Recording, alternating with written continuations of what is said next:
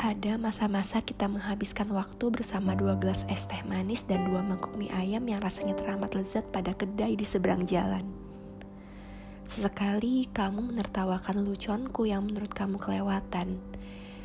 Tidak jarang kita berbagi cerita dan juga rahasia-rahasia kelam sembari sama-sama saling menguatkan dalam diam.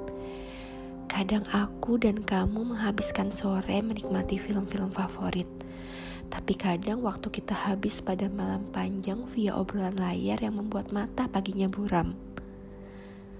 Aku selalu menemukan pintu-pintu dari kedua bola mata hitammu.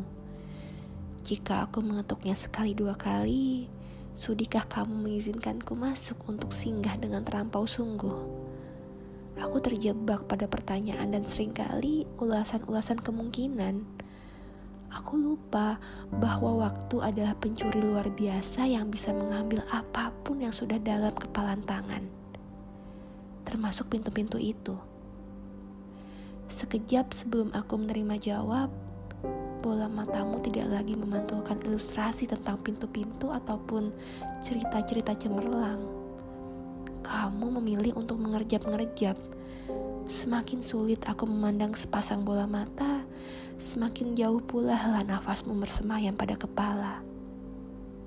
Akhirnya aku di sini, sendiri. Tidak lagi sibuk mencari jawaban yang aku anggap masuk akal. Matamu masih saja mengerjap-ngerjap bersamaan dengan bahagiaku yang sepenuhnya telah senyap.